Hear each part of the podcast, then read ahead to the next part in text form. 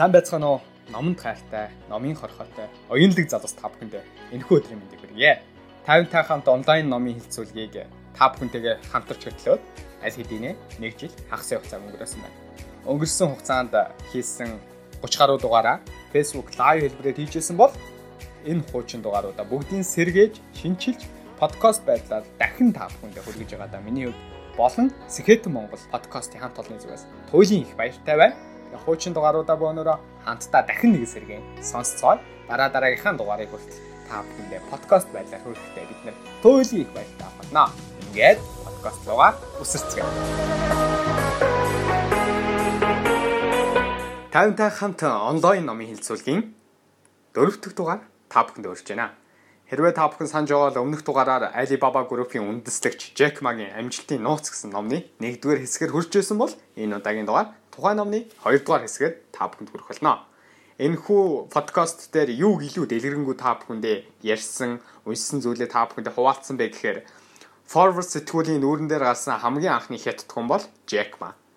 Тэрээр хизээж илтгэлээ цаас алж толилдуулж байгаагүй баг насандаа дулааны урлагт ихээр сонирхолтой хүүхэд байсан тухай Alibaba компани ажилтнуудаа гурван төрлөөр ангилдаг. Яг юу гэж ангилдаг байсан бэ? Жижиг компани стратеги хүчтэй байдгийн нууц нь юунд оршиж байна? Маба түүний баг хамт олны томоохон алдаа нь яг юу байсан бэ? Ухаантай хүмүүсийг нэгд оруулж ажилуулна гэдэг хамгийн хэцүү. Тэд үргэлж маргалтаж, мэтгэлцэж байдаг. Тэднээс шийдвэр гарна гэдэг хэцүү. Жакма үргэлж ажиллаж ажилчтнаа ажилчин хүмүүсээ муу сурдахтан эсвэл дунд сурдахтан хүмүүсийг сонгодог. Тэр хязээч он сурдахтан хүмүүсийг өөрийн ажилдаа тэнцүүлж авч байгаагүй. Тэр нь яагаад?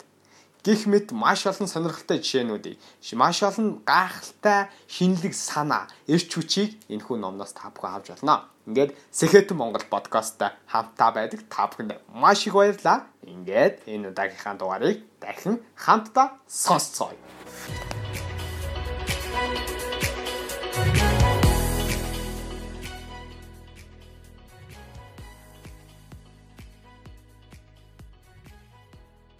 За тэгээд нийт одоо Батөргөлтөөгөө хамтраад 6 дахь лайва хийж гэн. За өнөөдрийн хувьд оргил маань байхгүй. Би ганцаараа ингээ хийж гэн. А огт өмнө үзэж байгаагүй хүмүүс байж магадгүй. Тийм болвол э, товч тайлбарлая. Энэ яадаг лайв юм бэ гэд хүмүүс бодож байж магадгүй. Тийм болвол номын хилцүүл хийдэг байгаа а янз бүрийн ховж огтхон ярихгүй уус дээр ярихгүй зөвхөн унссан номоо бит хоёр фэйсбүүкийн найзуудаа хуваалцдаг. Тэгээд иймэрхүү төрлийн лайв байгаа. За одоо энэ удаагийн лайв маань юугаар онцлогтой юм бэ гэхээр Ma гэдэг энэ хүний амьдралын ухааны тухай илүүтэйгээр ярина. Ma-гийн амьдралын ухаан гэж юу юм бэ?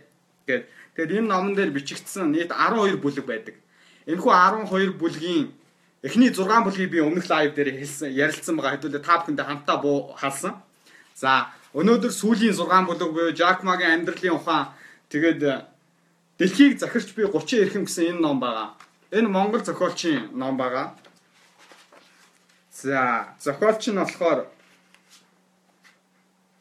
Гэрэлт од гэсэн хүн зохиосон байлээ. Энэ их сонирхолтой ном. Тэгээ энэ хоёр номон дээр бол Жакмагийн тухай зарим зүйлүүд нь их зөрөөтэй байгаа. Тэгээд энэ хоёрыг нэгтгээд их сонирхолтой байдлаар Жакма гэж хувь хүн талаасаа Жакма гэж хин юм бэ?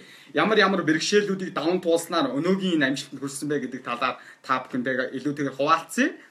Тэгээд за энэ 6 лайвын хүрээнд гэх юм бол ерөнхийдөө мэдээлэл технологийн салбарын стартап буюу гарааны бизнес хөгжүүлж байгаа хүмүүсийн хүрээнд үйл ажиллагаа маань явагдаж байгаа номын хэлцүүлэг явж байгаа. Яагаад энэ стартап буюу гарааны бизнес мэдээллийг мэдээлэл технологийн салбарын хүмүүсийг ингэж сонгоод энэ номын хэлцүүлгээ явж байгаа гэхээр би өчигдөрхөн World Economic Forum Forum гэдэг тэндээс нэг видео бичлэг тавьсан байлаа. Тэр их сонирхолтой зөвхөн брендийн үнэлгээ гаргасан байна л да. Тэгээ тэр брендийн үнэлгээг би та бүхэндээ товч байдлаар ингээд та хэд сонирхолтой байж магадгүйгээд танилцуулъя гэж бодож байна. Тэрэн дээр болохоор дэлхийн топ 10 брендийг үнэлгээтэй нь хамт гаргасан байна. Бид эхний зүгээр 5-ыг л та бүхэн сонирхолтой байж магадгүйгээд энэ дээр харуулъя. Энэ дээр өөр яг тухайн компанийн нь урсгал зардал ч юм уу компани хөрөнгө мөрөнгө ороогүй зөвхөн брендийн өөрийнх нь үн байгаа даа. За 5 дугаар байранд болохоор Toyota орсон байна. Тэгээ бидний сайн мэддэг одоо Cruise машин э, үйлдвэрлэдэг Toyota компани. 53.6 тэрбум доллараар 53.6 тэрбум доллараар 5 дугаар байранд орсон байна. За дөрөвт болохоор Microsoft 72.8 тэрбум доллараар За 3 дугаар байранд энэ брендийнхээ үнээр Coca-Cola компани. Тэгээ Coca-Cola-г бол бид хүн сайн мэднэ. А хамгийн анх нь одоо чихэр орлуулагч бодис дээр ус хийгээд нүүс хүчлийн хийх хийснээр зүгээр Coca-Cola гэдэг зүйл бий болсон шүү дээ. Өнөөдөр тэгээ дэлхийн дахинаар тарцсан бидний уух дуртай ундаа олж чадсан байна. Тэгвэл Coca-Cola брэнд 3 дугаар байранд жигсэж байгаа юм байна. За 2 дугаар байранд Google компани жигсэж байна. За Google 133.3 тэрбум доллараар 2 дугаар байранд жигсэж байна. За 1 дугаар байранд одоо бидний бол сайн мэдих Стив Джобсын үндэслэн Apple компани орсон байна. Apple Apple гэдэг энэ зөвхөн брендийн үн шүү дээ 178.1 тэрбум доллар. А аимшигтай. 178.1 тэрбум гэхээр өчигдөрхөн одоо доллар 2400 болчлаа шүү дээ, тий. Тэгээд ингээд үрж тооны машин дээр үржүүлээд үзэх юм бол 400-аад их 80. 400-аад их 80 э, төгрөгийн үнэтэй байгаа байхгүй зөвхөн Apple гэдэг нэр. Тийм болохоор би ийм гарааны биз мэдээлэл технологийн хүмүүсийн а намтрыг энэ хүмүүсийн номын хилцүүлгийг ерөнхийдөө явуулж байгаа шүү гэд та бүхэн тэгээ зөвөр ойлгоорой. За тэгээд номынхоо хэлэлцүүлгийг үргэлжлүүлээ. Өмнөх миний 5 номын хэлэлцүүлгийг сонсч байсан оргил бүтээний номын хэлэлцүүлгийг сонссон хүмүүс бол яг ямар хэсэг дээр ярьж байгаа дууссан бэ гэдгийг ерөнхийдөө бол гадарлаж байгаа. За, Jack Ma гэдэг энэ хүний хувьд бол өнөөдөр 24.4 тэрбум доллар хөрөнгөтэй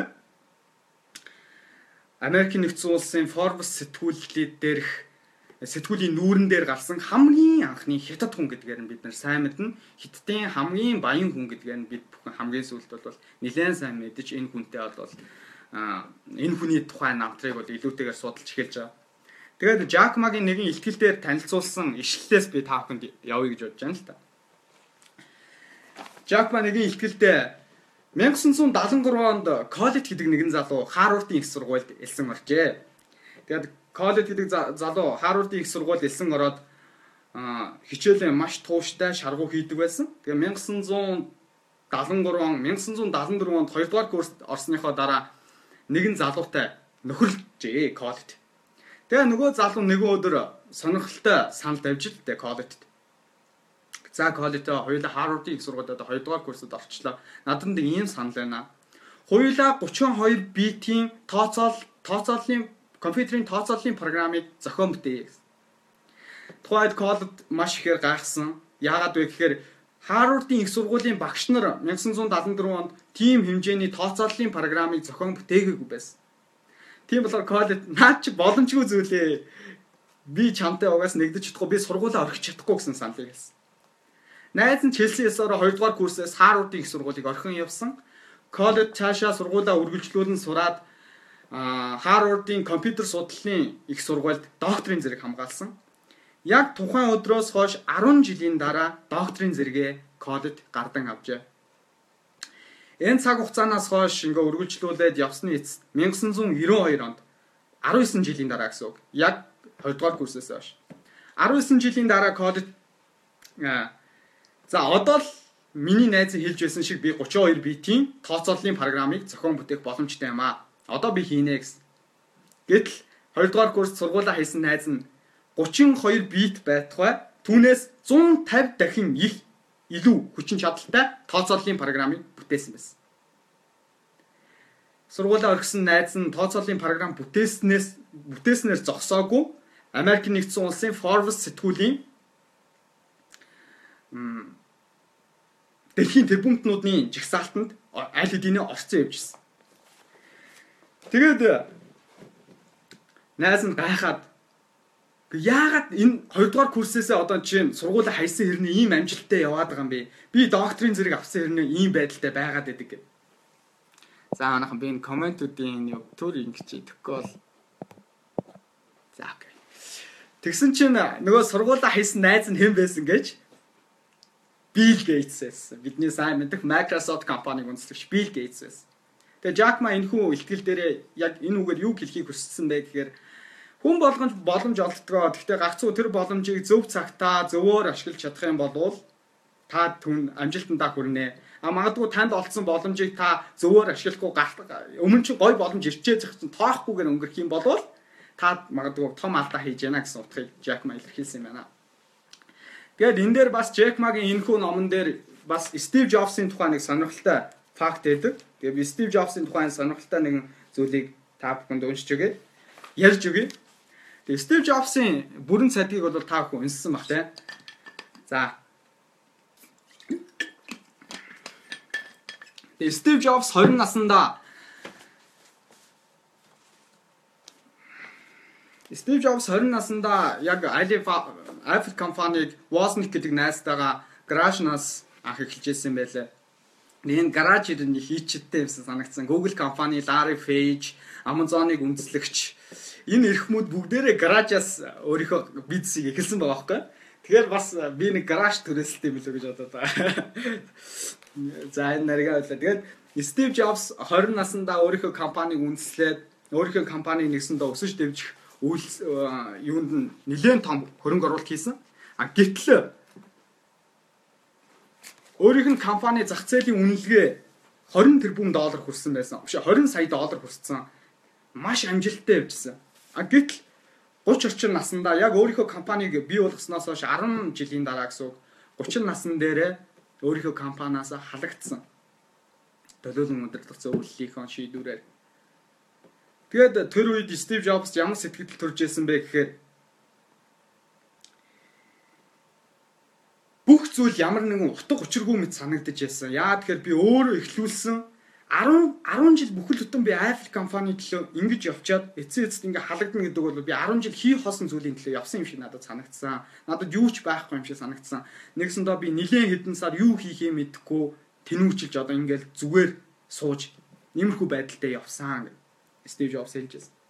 Гэтэл тэр хүн өөрт нь шантрах ямар нэгэн зүйл байгаагүй. Надад нэг томоохон сэтэл төрсөн. Тэр нь юу байсан бэ гэхээр би эргэн ирэлтийг хийх ёстой. Би маш хүчтэй цохиулчлаа, нокаутанд орчлоо. Нэг ийм үг байдаг да. Хүн болгон төлөвлөгөө бий. Төлөвлөгөө бий. А гэхдээ а цохиулсныхаа дараа тэр төлөвлөгөөнүүд одоо нэгсэнтэй бүгдийг мартдаг.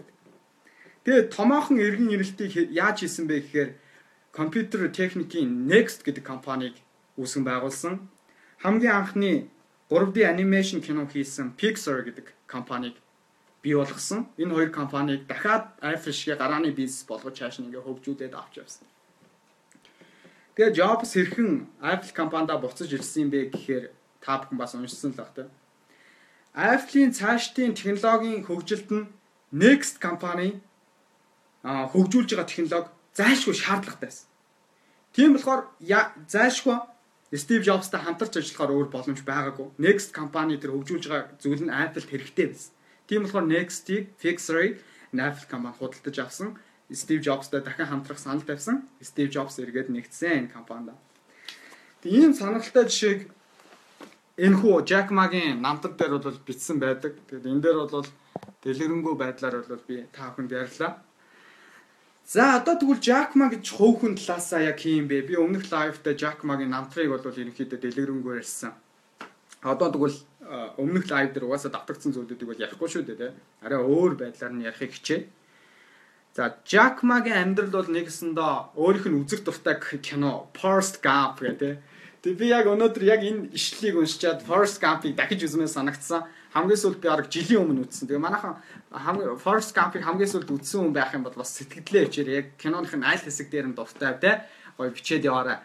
Тэгээ Forest Gump-ыг э, амьдралтаа их өөрийгөө төстэй гэж үздэг. Яа тэгэхээр хүмүүс Jack Mag 10 жил тахт тэнэг гэж дууддаг байсан. Тэгээ Forest Gump гэсэндээ бид нар тэнэг л гэж харж болно. Их киноны эхний хэсэгт бол Гэхдээ тэр хуйлаа маш хүчтэй эргэн ирэлтийг хийдэг. Маш хүчтэйгээр эргэн ирдэг. А тэр нь бол их онцлогтой. Түүгээрээ тэр хоёрын амьдрал бол нэгэсэндээ хоорондоо төстэй гэж үздэм бай. Тэгээд Жакмагийн аав ээж нь болохоор язгуур урлагийн хүмүүс байсан, шанс тоглодог. Тийм болохоор Жакма өөрөө урлагтай их ойрхон хүн байсан. Тийм болохоор урлагийн хүмүүс тайцтай их ойрхон байдаг байсан болохоор та бүхэн Жакмагийн илтгэлийг сонсч байсан бол цаас барьж огтхонч илтгэлээ танилцуулдаг. Анзаарч байсан бол тий цаас бариад ч юм уу өмнөө ямар нэгэн бичиг бариад илтгэл өөрийнхөө компани промошн хийж байгаагүй. Түүгээр Jack Mac онцлог. Энэ нь бол гэр бүлээс нь холбоотой, урлагийн гэр бүлээс нь бол холбоотой байна. Тэгээд ээж аав нь ерөнхийдөө Жак Магийн гэр бүлийн амьдрал бол дундаас доош амьдралтай байсан. Тухайн үед гэсэндээ дундад зууны дундад улсад бол өлсгөлэн хоол хүнсний хувьд бол нэлээд хэцүү айл болгон бол өлсгөлэнгийн байдалтай байсан. Тим үе гэж үздэг юм байна. Номон дээр бичснээр. Тэгээд Жак Магийн хувьд одоо жишээ нь магадгүй тийм өлсгөлэн үед одоо бид нар картын барааны үе гэж ээж аа одоо хэлдэж штэ тий картын барааны хүүхдүүд гэдэг Тэрнтэй адилхан тийм өлсгөлэн үед ингээд уссан болохоор ч тэр юм уу их жижигхэн биетэй жоохон биетэй гэж байж магадгүй гэж үздэг юм бай. Тэгээд хятадд 16 дугаар зууны одоо тулааны урлагийг Жакма баг бахаас сонирхдаг байсан. Тулааны урлагийн талаар ном уншдаг байсан. Тэгээд их сахилгагүй хөхөд байж. Тэгээд ерөнхийдөө хүүх толгоондоо хэд хэдэн ойдол тавиулжсэн тохиолдол байдаг, их зодон хийдэг, тулааны урлагт их сонирхолтой тийм үгэд байсан яагаад тулааны урлаг сонирхолтой байсан бэ гэхээр тухайн үед за маа зүйдэн бэлөө хиттийн нэрт өдөрдөгч. Тэр өдөрдөгчийн эсрэг одоо нөгөө талын толгойлогчийнх нь а одоо жишээ нь гар хөл болж өвөө нь бол нэгсэндээ явдаг байсан юм Жак Маг. Тийм болохоор Жак Маг нэгсэндээ буруу үзэл сурталтан гэх юм уу те. Тийм байдлаар их ангийнхан ч юм уу нийгмийн дадуурхдаг. Тэгэл хичээлээсээ ирэхт нь гэрт нь гэрийнх нь эд тогшлыг эвдсэн ч юм уу те. За байж байгаа. За connection is so weak гэдэг юм.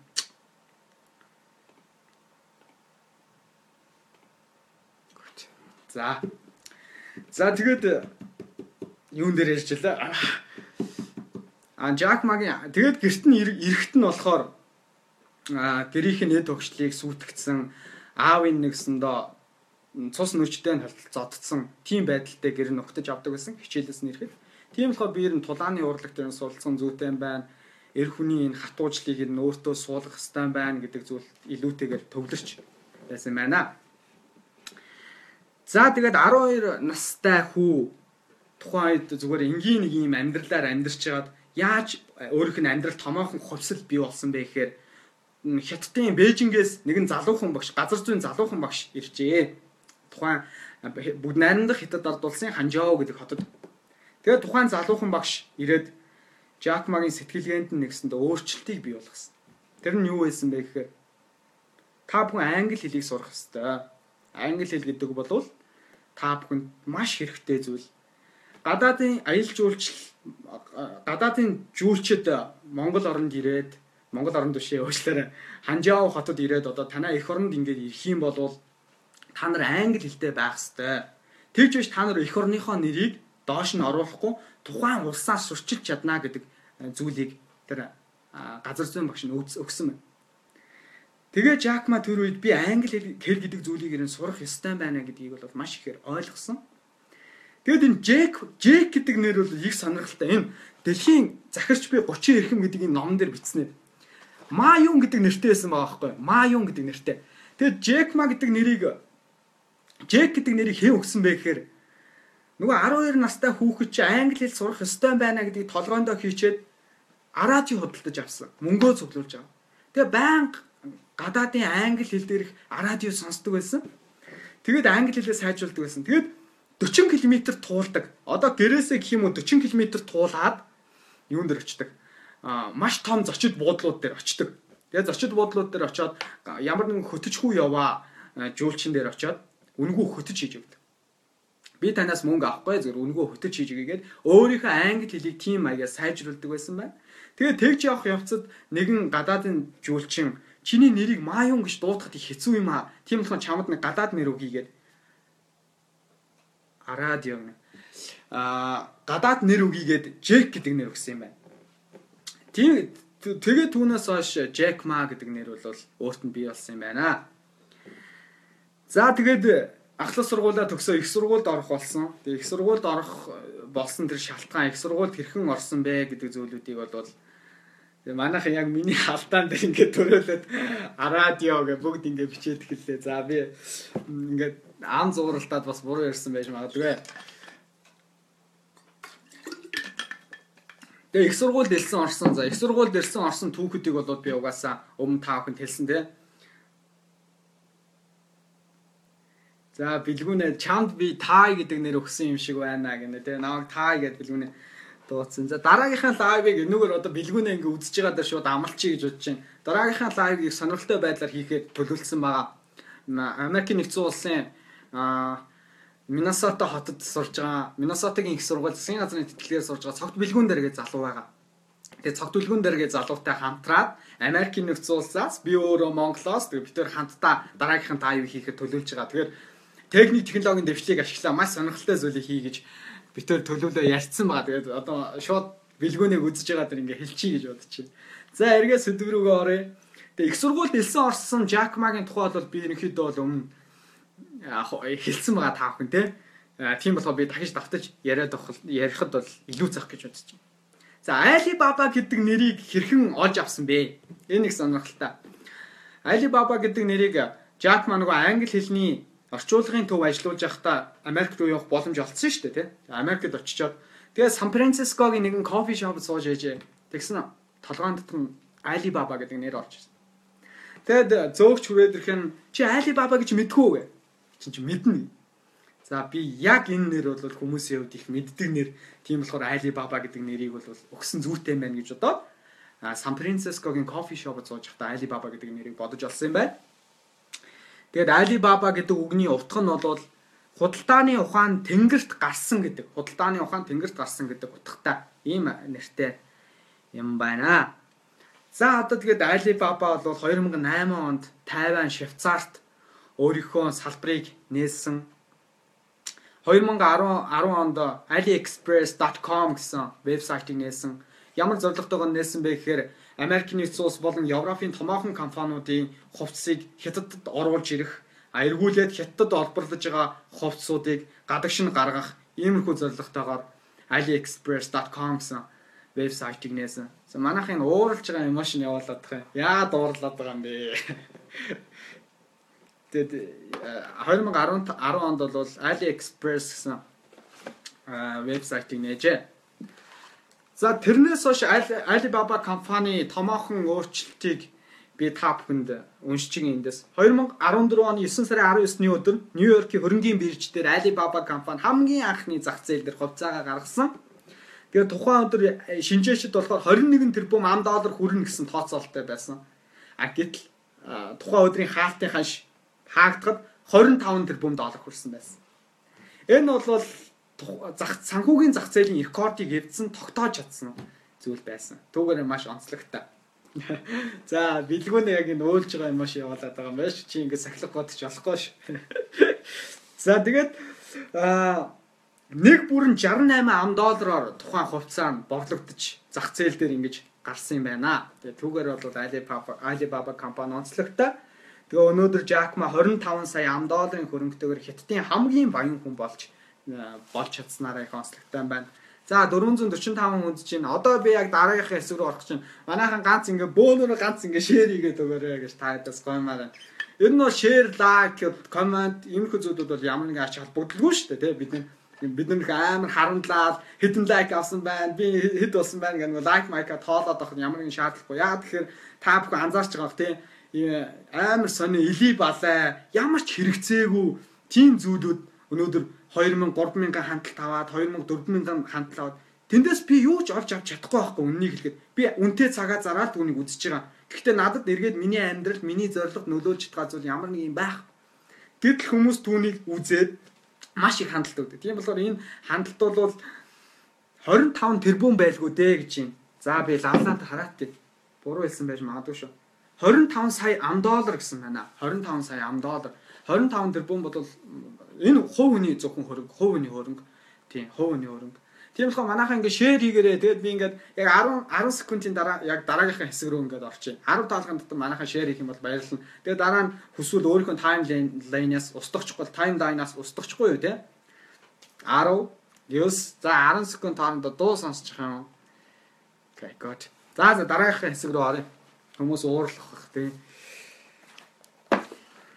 За дараагийнхаа хэсэг нь болохоор Jack Ma-гийн нэгсэндөө бидэнд зааж буй хичээл нь юу юм бэ?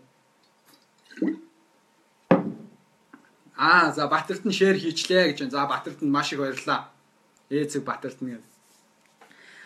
За Alibaba-гийн бидэн зааж хамгийн анхны хичээл бол таны хариуцлагатай байдлын үнэлэмж таны гарах тайзны хэмжээг шийдвэрлэдэг гэсэн байна. Та хэдий чинээ хариуцлагатай байна, төдий чинээ та маш том амжилттай явна гэсэн үг.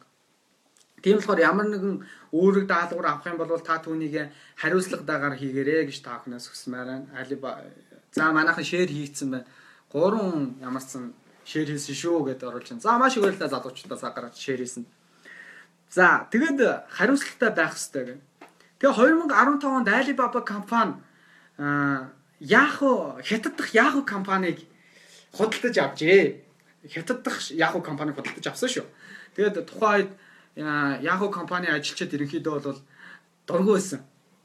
Яагаад тэгэхээр Alibaba компани доор орчлоо ч гэдэг юм уу тиймэрхүү утгаар ханддаг ерөнхийдөө дургүй байсан. Тэгээд би энэ хүмүүсийг яаж өөртөө уусгах ёстой вэ гэдэг Jack Ma-гийн нэг ухаан явууллаа. Тэгэд Бээжингээс Ханжао хүртэл галт тэргээд Yahoo компани бүх ажилчдыг зөөс. Тухайн үед галт тэргээд одоо нөгөө тухайн үед л мантуу өгөөл те мантуу одоо жишээ нь чихэр жимээс одоо янз бүрийн зүйлээр ингээд хүн болгондоо дайлаад тэгээд хүмүүсийг Ханжаод буухт нь хүлээж аваад маш гоё арга хэмжээ зохион байгуулад хоолнд оруулаад нэг томоохон Alibaba компаниа танилцуулаад тийм арга хэмжээ зохиож илтээ. Тэгээ Jack Ma-гийн тарих бол ийм хурдтай ажилтгийн нэг хэлбэр нь энэ. Тэгээ Yahoo компани дээр ажилтгийг өөртөө уусгаж авсан нэг том арга нь бол ийм нэг докгийн арга байгаа. Тийм болохоор аливаа зүйл дээр маш түргэн сэтгэх ёстой гэдэг нь бол цаад далбааны чинь соёмны гачил буруу байна даа гэнэ. Аа за магадгүй магадгүй. За. За дараагийн Alibaba Jack Ma-гийн бидэн зөвлөж сургамж бол чин сэтгэл бол өдөртөгч хүнд байх гурван чухал чанарын нэг ээ. Тэгэхээр альва ажилдаа, ажилчдаа хэрвээ та ирээдүйн ажил олгогч болвол ажиллаж байгаа хүндээ чин сэтгэлээсээ хандаарай. Чин сэтгэлээр хандаж чадах юм бол ажилчид чинь ажилдаа маш идэвхтэй байх болно шүү гэдгийг Jack Ma сургаж өгсөн байна. За дараагийнх нь бидэнд хэлэх гээд байгаа зүйл нь Амжилтнуудынхаа гэр бүлд жигэнмэг болон амар мэндийн захиа явуулах нь Alibaba компани соёл юм аа гэсэн байна. За энэ дээр би жишээр нэгэн залуухан Alibaba компанид ажилладаг залуухан менежер ажлаасаа гарах болов. Яагаад вэ гэсэн чинь Alibaba компаниас хэд дахин цалинтай ажлын санал ирсэн. Залуу хэд хоног ботсон. Би яах вэ? Энэ ажлаас гарах уу, байх уу, гарах уу, болох уу гэх. Гэтэл нэг өдөр ээж аавс нь загтал иржээ. Загтал дээр Ma тухайн гэр бүл рүү талархлын загтал гэр бүлд нь жигнэмэг амар мэндийн захиа явуулсан байсан. Тэгээ ээж аав нь тухайн загтлыг уншаад үйлсэн сэтгэлдлээ хүүдээ бичиж явуулж л дээ. Бүхэлд нь захирлаас нь тийм гайхалтай зүйл авна гэдэг бол өөрөө маш гоё мэдрэмж байх гэж би бодож байна. Тэгээд тухайн загтлыг хүлээж авчаад залуу бодлоо өөрчилсөн. Би Alibaba компанид үлдэх ёстой юм байна. Би эндээс гарч болохгүй юм байна гэдэг. Хэдий надад өндөр маш олон сая олон мянган яаны тийм салингийн санал ирсэн чинь би эндээс гарах хэсгүй байна гэдэг үзэл бодолдоо эвлэрсэн. Тийм болохоор энэ Жакмогийн бас ажилчдаа шин сэтгэлээс ханддаг нэг том чадвар юм байна. За Хятадын Google компани ерөнхий захирал ерөнхий захирал Кай Фу гэдэг шинээр шинээр бизнес эрхэлж буй дөрвөн хүн дөрвөн төрлийн хүсэл тэмүүлэлтэй байх хэрэгтэй гинэ. Дөрвөн төрлийн хүсэл мөрөөдөлтэй байх хэрэгтэй гэж байна. Тэгээ энэ нь болохоор эхний хүсэл зүйл нь болохоор шин зүйлийг суралцах гэдэг. Шин зүйлийг суралцах. Хоёр дахь зүйл нь болохоор дотоод хүсэл тэмүүлэл алсын хараа тууштай байдал. Хэрвээ та хүсэл мөрөөдөлтэй байгаа бол тэр хүсэл мөрөөдлийн төлөө тууштайгаа тэмцэх хэрэгтэй. Би хамгийн анх одоо бараг сарын өмнө 2 сарын өмнө энэ лайв хийх санаад төрсөн. Яагаад вэ гэхээр миний фэйсбુક дээр ингээд хэн нэг нэгэ шүүмжилсэн нөгөө янз бүрийн тийм нэгэн жоохон алдаа гаргачаад тэрэн дээр нь дөрөөлөөд үнэн худлааг нь мэдгүй хүмүүс шеэр хийгээд тэгээ баахан худал мэдээлүүд яваад хаана би жоохон дотроос залууны үед бухимдаад яагаад бид нар фэйсбүүкийг ингэж ашиглах ёстой юм гэгээлгээр би бидээ юм өгөх байдлаар ч юм уу те ингээд номын хэлцүүл хийгээд эндээс авах гэхийн ухаанаар хүмүүс хандна л өстэй би буруу ярихгүй би зөв ярихгүй алдаж онж байд тэр бол хамаагүй те тэгээд би нэг өдөр нөгөө цогт бэлгүүн дээр гээ найздаа хэллээ л те найз нь юм нэг лайв хийх гэж байгаа маа тэгээ би хийх үү яах вэ эргэлзээд байна. Магадгүй би ингээ лайв хийч хийгээд эхлэх юм бол хүмүүс өө энэ залуу лайв хийх нь дутажтэй гэсэн байдлаар хандах юм болов гэж одоо найз нь эхлэх сонирхол алгаа гэдгсэн чинь. Үгүй тайна чи хүсэж байгаа юм уу? Би хүсэж байна. Түл түүнийг хийлдэ чи тууштай байлтаа гэх. Тэгээ би энэ лайв хийх санаа төрсөн. Тэгээд бэлгүүнээ найзтай бол маш их баярлаа. Яагаад тэгэхээр бид нар байнга хэн нэгнээс суралцж яадаг. Тэгээд намайг ийм лайв хийх одоо бүр ингээд 6 дахь лайв хийнэ гэхээр зүгээр л эхлэх хэрэгтэй юм шиг байлаа. Хэн нэгнээс санаа зовлгүйгээр. Тэг. Тэгээ ийм зүйл дээр бол энэ хоёр дахь жишээнд би баталж хэлмээр санагдлаа. За гурав дахь зүйл нь болохоор алдаа дутагдлаар дамжуулан суралцах гэх. Та алдаа гаргаж болно ойлгомжтой. Та бол төгс төгөлдөр хүн биш шүү дээ. Бид нар бас нэг ийм зүйлийг өөрсдөө мэдэх хэрэгтэй юм шиг байна. Бид энэ хорвоогийн өчүүхэн хэсэг гэдгээ. Дэлхий дээр 7 тэрбум гаруй хүн амьдарч байгаа. Тэр дундаа Монгол улс. А Монгол улсад байгаа тайван гэдэг энэ залуу. Би бол дэндүү өчүүхэн байхгүй. Өнөөдөр тайван гэдэг залуугаас хамаарахгүйгээр аль ч улс орнд маш олон зүйлүүд болж байгаа. Өнөөдөр доллар 2400 хүрж байгаа. Тайван гэдэг залуугийн нөлөөлөл байхгүйгээр 2400 хүрж байна. Тэгэхээр би өөрийнхөө өчүүхэн гэдгийг бол мэдхийн дээдэр мэдж байгаа. А тэр чинийгэр хүн өөрийгөө хөгжүүлэх ёстой байна. Би дэлхийн хүн болох ёстой байна гэдэг сэтэл төрж өөрийгөө өөрийнхөө алдаа дутагдлаас мотивашн авч цаашаа явдсан болов уу гэж боддог. Тийм болохоор алдаа дутагдлаараа дамжуулан суралцсан гэдэг бол маш том чадвар шүү. За дараагийн дөрөв дэх зүйл нь болохоор бусад хүн чин сэтгэлээсээ хандах гэх. Одоо миний энэ лайвыг 420 хүн үзэж байна. Энэ дундаас би бол 420 ингээд яг тогтоод эхнээс нь ингээд төвлөрөөд үзэж байгаа хүмүүс бол маш олон баг. Бараг 420 хариулаач байгаа гэж. Миний хувьд ийм нэг алдаа дутагдал байсан. Би тэрийгээ бол нэг нөгөө та бүхэнд хэлнэ. Яагаад вэ гэхээр ингээд яг миний үеийн залуу ч юм уу ингээд лекц уншаал ихтгэл танилцуулаад ирэхээр би юу гэж боддог байсан бэ гэхээр одоос 4 5 жилийн өмнө ээ энэ миний үеийн залуу надад заах гээд байгаа юм уу? Энэ залуу надад зөвлөх гээд байгаа юм уу? Оо арайч те гэсэн байдлаар ханддаг байсан. Би тэгж хандсан лекцэн лекцэн дээрээс юу ч олж авч чаддгүй байсан. Яагаад гэхээр би тухайн лекцэн суучаад энэ залуугаас би юу авахын гэсэн бодлоор тархиндаа айл хэдийн мэдээлэлээ суулгацсан. Тийм болохоор би тэр үний ярианаас юу ч олж авч чадахгүй шүү дээ анхнаасаа л энэ залуу юу гэдэг байдлаар би хандсан юм чинь. Тийм болохоор одоо та бүхэн нэгэн цаг гаргаад үзэж байгаа бол миний ярьж байгаа зүйлээс авах гэхийн ухаанаа хэрэгтэй зүйлүүдийг аваад хэрэггүй зүйлүүдийг нь аваарай гэж хүсмээр байна. За тэгээд дараагийн зүйл бол Alibaba компани ажилтнуудаа гурван төрлөөр ангилдаг гинэ. За би энэ дээр яг хадгалсан байгаа та бүхэнд гаргаж ирээд харуулъя. За эхний хүн нь болохоор зэрлэг нохой зэрлэг нохой гэж ангилдаг ихний хүн. Энэ хүн нь болохоор ажлын ололт амжилт ихтэйж хүн чанаргүй хүн. Тийм болохоор энэ хүнийг зэрлэг нохой гэж нэрлэдэг. Та хэрвээ ажилдаа амжилттай байж болно. Гэхдээ та хүн чанаргүй байх юм бол энэ хүн яваанда халагдана гэж нөгөө хүний нөөц нь тийм тооцоололтой байдаг гинэ. Энэ хүн хүн чанаргүй. Тийм болохоор манай компаниас хизээч гарч магадгүй. Тэгэхээр энэ бол эрсдэлтэй хүмүүсийн жагсаалтанд багтана гэдэг. Хоёрдугаар төрлийн хүн нь болохоор туулаа. Туулаа гэдэг хүн ажилдаа нэг сайн биш хүн чанар сайтай. Тэгээ яваандаа одоо өсөж дэвжих болцоотой. Ажил их чин хүсэл эрмэлзэл тэр хүнд байгаа. Тийм болохоор тухайн тодорхой хэмжээний цаг хугацаа өгд юм байна л да. Одоо дөнгөж төгссөн одоо тайван гэдэг энэ хүмүүс шиг төрслөхгүй залуучууд байна шүү дээ тий. Ингээ ажлын байран дээр гарыг ихээр ажил олдохгүй. 3-аас 5 жилийн ажлын туршлагаа шаардна ийм зүйл хэрэгтэй гэх. Alibaba компани бол залуу мэрэгчлүүдэд дэмждэг.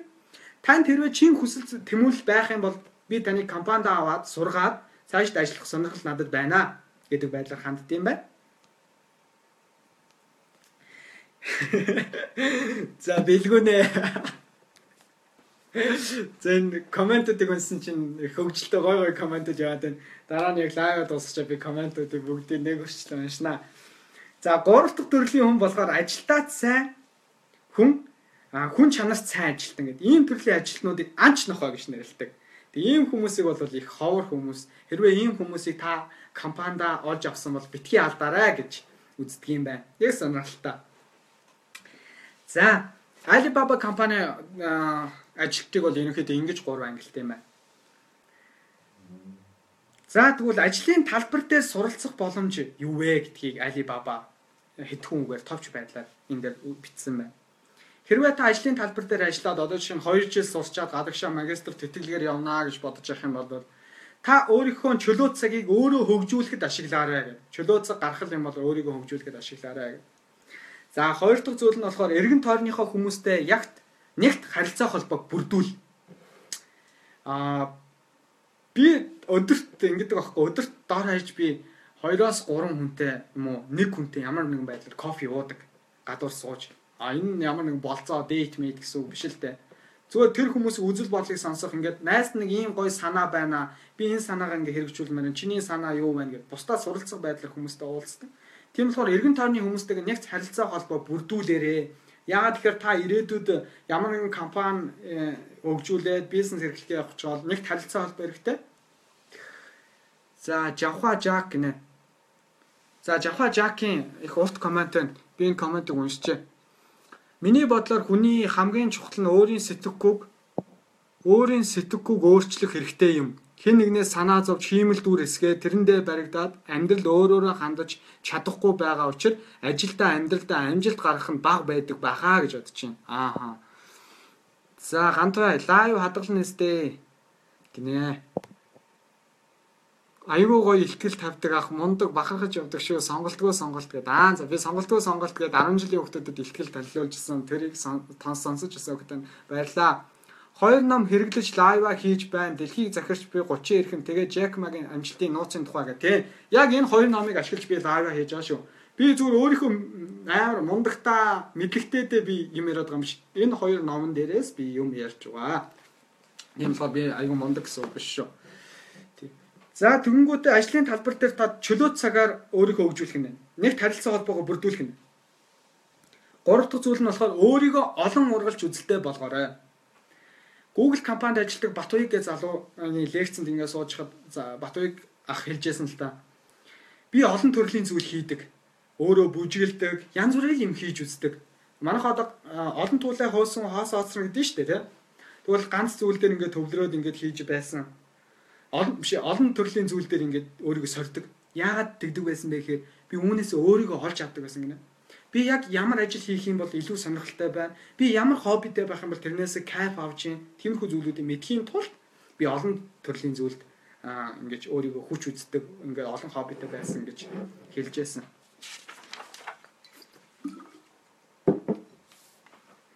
За дараагийн зүйл нь болохоор өөрчлөлт бий болохоос өмнө төрүүлж өөрчлөгдөөрэй. Ямар нэгэн гайхалтай өөрчлөлтийг хүлээлгүйгээр та өөр өдөр болгон өөрийгөө өөрчлөхөөр хичээж байгаа гэдэг. Том өөрчлөлтийг хүлээх шаардлагагүй гэсэн байна. Тэгээ 2005 онд маагаас нэгэн сэтгүүлч та амжилт гаргачаад байхад цахим худалдааны анхдагч одоо Wang Jin Tao гэдэг Wang Jin Tao гэдэг а цахим худалдааны хятадын томоохон компани өнөөдрийг хүртэл гарааны бизнесээ ингээд хөгжүүлсээр л байна. Энэ ялгаа нь юу вэ гэж Жакмагаас нэгэн сэтгүүлч асууж. Жакма сэтгүүлчид юу гэж хариулсан бэ гэхээр би өөрийнхөө компанийг ингээд танилцуулаад, ихтгэл танилцуулаад явах явхад миний ярьж байгаа зүйлийг төгс төгөлдрөөр биелүүлж чаддаг хамт олон миний ард байдаг. Тийм болохоор би манай компани өнөөдөр амжилттай яваагийн нууц нь бол энэ. Магадгүй тухайн компани одоо энэ одоо ингээд амжилтанд тодорхой амжилтанд хүрэхгүй байгаа компани ард нь томоохон хамт олон байхгүй тэр хүн ганцаараа л яриад яваад байдаг. Ард нь тэр хийх гээд байгаа зүйлийг хариуцлагатай хийж чаддаг хүн байхгүй болохоор амжилтанд хүрч чадахгүй байгаамаа гэж сэтгүүлчд хариулж.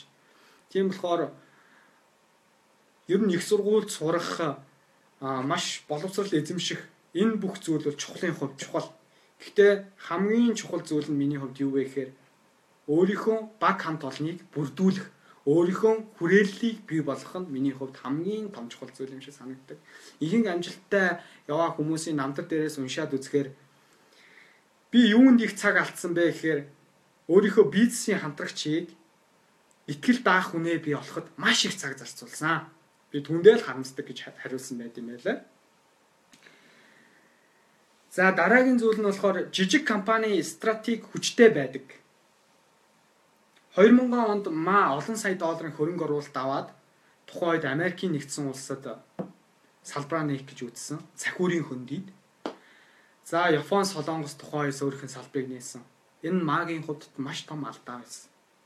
Магийн компани уналтанд орж эхэлсэн. Гадаадд байгаа компаниудад татан буулгахаа шийдсэн. Өөрийнхөө компани ажилчдыг цомгтгсон. Тийм болохоор хүн зөв тооцоололтойгоор том зүйлийг хөдөлгөх хэрэгтэй. Жак Ма Европт болон Америкт шилдэг шилдэг боловсон хүчингүүдийг нэгтгээд тэндээ суурин төлөөлөгчөөр нь аваатсан. Өөрийнхөө компанийг ажилуулах гэж оролцсон. Гэтэл амжилттай байгаагүй. Жакма түүндээс юу гэж хэлсэн бэ гэхээр ухаантай хүмүүсийг нэг дор ажилуулна гэдэг маш хэцүү юм байлээ гэж хэлсэн байдаг. Ухаантай хүмүүс үргэлж бие биетэйгээ зөрчилдөж байдаг. Тэндээс ямар нэгэн шийдвэр огтхонч гардаг. Тэр нь маш том хэцүү зүйл байсан гэж хэлж байсан юм байна. Ер нь энэ нэг сонирхолтой судалгаа байгаа. Япон улсад жижиг дунд компаниудын 90% нь шинээр бизнес эхэлснээс хойш 3 жилийн дараа дампуурдаг. Ийм судалгаа байгаа. Их сонирхолтой. За лайв маань нэгсэндөө 40 минут яг хувийн профайлаар хийж байгаа болохоор цагийн дараа лайв маань тасардаг. Тийм болохоор одоо үлдсэн хэсэгт би нэгэн сонирхолтой гоё мотивашн болохоор жишээг та бүхэнд яриад тэгээд та бүхний комментиг уншаад яриагаа өндөрлөе. Тэгээд 5 дахь өдөр цаг гаргаад 5 дахь өдөр шүү дээ тий. Хүмүүс зарим хүмүүс гарч ороод яжгаад оюунда хөрөнгө оруулалт хийгээд зүгээр нэг молих 50 гэдэг молих залууг ингээд сонсоод цаг гаргаа сууж байгаа та бүхэнд 350 залуудаа маш их баярлалаа. Тэгээд энэ дээр би ямар жишээ хэлхийг хүсэж байна вэ гэхээр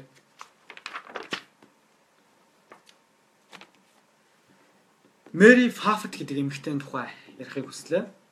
Мэри Фафт гэдэг энэ эмэгтэй болохоор өөрөө 50 жил хувьцаанд амьдралаа зориулсан, хувьцааны зах зээлд амьдралаа зориулсан хүн өөр ямар нэгэн ажил хийгээгүй. Анх хувьцааны зах зээлд хөл тавихдаа 105 мянган доллартай байсан. 50 жилийн дараа энэ мөнгөө 65 тэрбум болгож өсгөж чадсан. Ингээд тооны машин дээр тооцоод үзэх юм бол 650 дахин мөнгөө ихсгэж чадсан. 650 гэдэг бол аимшигтэй их доо тий. Тэгэд хүн нэг зүйл тууштай байгаад түүнийхээ араас хэн нэгin шүүмжлэлийг сонсохгүйгээр за яг шүүмжлэлийг аваад зөв алхмуудыг хийж чадах юм бол хүн амжилтанд хүрдгийн тод жишээ бол энэ юм болов уу гэж би та бүхэндээ хэлхийг хүсэж байна. Тэгээд би нэг гоё сүүлийн үед өөртөө ингээд юу хэрэгжүүлж байгаа. Бас түрүүчийн цогтөлгөн дээр найзынхаа зөвлснөөр би Facebook хэрэглээгээ ерөнхийдөө маш ихээр хянж эхэлж байгаа. Яагаад тэгэхээр би үннийг хэлье.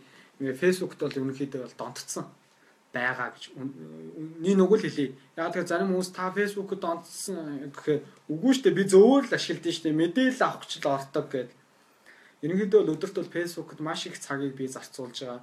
Тийм болохоор энэ UB UB Hind гэдэг аппликейшн байгаа Android дээр байд юм байлээ. Apple юун дээр iPhone дээр бас сайн болж өгөхгүй байгаа. Өөрийнхөө аппликейшнийг хяндаг юм байлээ. Тэгээ цогт төлгөөн дээр гээд тэр залуугаас таах асуугаарай. Тэр залуу бол аппликейшнийг гар утсыг ухаалаг хэрхэн ухаалгаар ашиглах вэ гэдгийг бол маш сайн мэдж байгаа залуу. Яадаг вэ гэхээр одоо би Facebook дээр өдөрт би 30 минут л орно гэсэн бол тэрэн дээр тохиргоогоо хийжтэй маань аппликейшн дээр. Тэнгүүт ингээд хянаал явдаг. Тэгээд 20 минут орсон бол за би үлдсэн 10 минутаа шөнө унтахаас өмнө орон ч юм уу те. Тийм болохоор ингээд хайрлаад шүү дээ минутаа. Тэгээд 30 минутанд дуусчих юм бол Facebook руу оронгууд автоматик гардаг. Тийм аппликейшн байна. За хоёр дахь миний хэрэгжүүлж байгаа аппликейшн гэхэл Focus гэдэг аппликейшн Focus Now гэдэг. Төвлөлдөг, төвлөлдөг, мод тарьдаг. Ингээд би одоо 30 минут суугаад яг би өөрийнхөө нэг одоо төслийн санаагаа ингээд э, бичээ гэдэг юм бол Focus Now гэдэг аппликейшн дээр минутаа тохируулцдаг. 120 минут гэж бичээд тэгээд тэр аппликейшн чинь мод чинь ингээд ургаад яваад байна. Хэрвээ та ингээд 120 минут бичиж байгаа төвлөрч чадахгүй Facebook ухмаа санагдаач ч юм уу те найз нар ч юм уу найз залуугаас ч мессеж ирэх юм бол нөгөөдөл унших гад ингээд гарах юм бол мод нь хүчдэг. Тийм аппликейшн байгаад байгаа. Тэгээ нэрийг нь бичээч андаа гэнэ. За тэгнэ гэлээ найз нь чатаар нэрийг явуулъя. Тийм сонирхолтой аппликейшнуд байгаа. Тэгээ энэ аппликейшнуудыг би хэрэглэж эхэлж байгаа. Яагаад тэгэхээр интернет хэрэглээ бол арай л дэндэж байгаа миний хувьд. Тийм болохоор ажлын үр дүн маш ихээр бууруулж байгаа. Тийм болохоор хэдүүлээ интернет хэрэглээг зөвөр ашиглая гэж нэгдүгээр уриалмаар байна. Тэгээ хоёрдугаар тэмдэглэл би баян хөдөлдөг. Одоо нийт 4 5 6 тэмдэглэлийн дэвтэртэй Тэгээ яадаг вэ гэхээр би зэрэг зэрэг эхлүүлчихдэг байхгүй. Тэмдэглэлийн дэвтрүүдээ зэрэг зэрэг эхлүүлээд а зарим тэмдэглэлийн дэвтэр дээрээ өнөөдөр болсон сонирхолтой үйл явдлуудаа бичин зарим дээр нь 30 жилийн төлөвлөгөөгөө бичин, мөрөөдлөө бичин маш гой гой зүйлүүдийг бичдэг. Тэгээд таван дэвтэр маань тавуулаа өөр утга санааг илэрхийлдэг. А дэвтрүүд дээр бол төлөвлөгөө бол ерөнхийдөө нэг бичээд байдаггүй. Өнөөдөр ийм ажилтай, ийм зүйлүүд хийнэ гэд. Яагаад тэгэхээр дараа нөгөө ажлуудаа ингээд бүтээчгээд энэ дээрээс уурч харихаас өөр сонголтгүй байдаг байхгүй яа тэгэхээр би дараа нь дэвтрээ ингээд уншихаа нэг кап авна да тий тэгэхээр чи нэг өнөөдөр ийм ажил хийх хэвээр ингэх хэвээр гэхээр тим юм авахаар чи нэг кап авахгүй шүү дээ тэгээ тиймэрхүү өнөөдөр өдөр тутмын листнүүдээ болохоор би аппликейшн ашигладаг. Аппликейшн дээр бичээд тэгээд чек дараад энэ ажил бүтлээ энэ ажил бүтлээ бүтлээ бүтлээ ингээд явдаг. За тэгээд 5 дахь өдөр цаг гаргаж унссан та бүхэнд баярлалаа за одоо үлдсэн 5 минут үлдсэн байна комментуудаа уншаад Тэгээд хэдүүл дуусган гоё сэтгэлдүүдээ ингээ хуваалц хуваалцаараа манайхан. Тэгвэл би шүү комментиг ингээ уншаа тэгээ юунд болохгүй байна? Дараа нь ямар сэдвийн хүрээнд юун дээр анхаарч ярихаар байна? Айл хэсэг дээр нуршуу байна ч гэдэм үү дасцэн зэста мундаг залуу байна өрөөлийг ч хөгжүүлээд өөрөө ч хөгжөө зөв зөв байна шүү амжилт хүсье гэж за маш их баярлалаа мундаг байна шүү гэж манай 10 жилийн гэрлээ найз маань бичсэн байна за гэрлээ маш их баярлалаа Амжилт гэсэн байна цэнд баярлаа. Магалж явын ундраа гинэ сайн байна уу? Амжилт төсөө өөрийгөө илэрхийлэх хилтгэж чадварт суралцахад 15 таа хүүхэд юунаас хаанаас эхлэх нь зөв бэ? Зөвлөгөө өгөөч. Би илтгэх урлагт нэг сургалтанд сууж байгаагүй би түүндээ маш их харамсдаг. Яагаад тэгэхээр би хар ухаанаар гэх юм уу бүдүүлгээр нөгөө Америк хар яриа гэдэг шиг би хараар сурцсан. Тэгээ түүндээ харамсдаг. Тэгээ гадуур бол маш гоё сургалтын төвд байгаа. Гэхдээ би сургалтанд сууж байгаагүй. Яагаад тэгэхээр миний эргэн тойрны хүрээллийн хүмүүс уран илтгэгч хүмүүс байсан. Тийм болохоор би тэр хүмүүсээс сэтэл аваад өдөр болгон тэр хүмүүсээс ингээд ирчүүч аваад энэ гоё юм байна уран илтгэл гэдэг чинь. Тэгээ би 6 дугаар ангиас хойш уран илтгэлээр хичээлж гисэн. Бараг одоо 9 10-аад жил хичээлж байна уран илтгэлээр хөв хүмүүний хувьд. Тийм болохоор өдөр болгон л өөрийгөө хөгжүүлээл юм уншаал, толтой яриад энэ хүмүүсээс нэг нэг ичгүүгээр л ярих хэрэгтэй байх. Тэр л хамгийн зөв зүйл байх. Ер нь хэн нэгнээс бол хичээ тогтгоно ч хэрэггүй шүү дээ. Яагаад тэгэхээр зарим хүмүүс нөгөө бусны анхаарлын төвд байхыг илүүд үздэг. Эндээс нааг хүн харж байгаа болов те. Эндээс нэг хүн нааг харж байгаа болов гэдэг байдлаар ханддаг. А гэтэл хүн болгон тийм завтай биш байхгүй юу? Хүн болгон чам дээр төвлөрөөл 7 тэрбум хүнээс ганцхан болроо ч юм уу заяа ч юм уу энэ хүн дээр төвлөрөөд чамайг юу хийж ийн гэж байн гажаа. Чиний фэйсбુક дээрх пост болгоныг өдрөөлгөн орж уншаал хүн болгон тийм завтай биш. Тийм болохоор хүн болгон над дээр төвлөрөд намайг намайг юу хийж байгааг анхаарат байгаа болов гэж өөрөөсөө битгий таныг хараад ингээ байн ажиад авах хүмүүс завтай биш байхгүй юм. Тийм болохоор ичих зүйл байхгүй ганцлан амьдрын штэ ер нь бол. За баярлалаа манайхаа.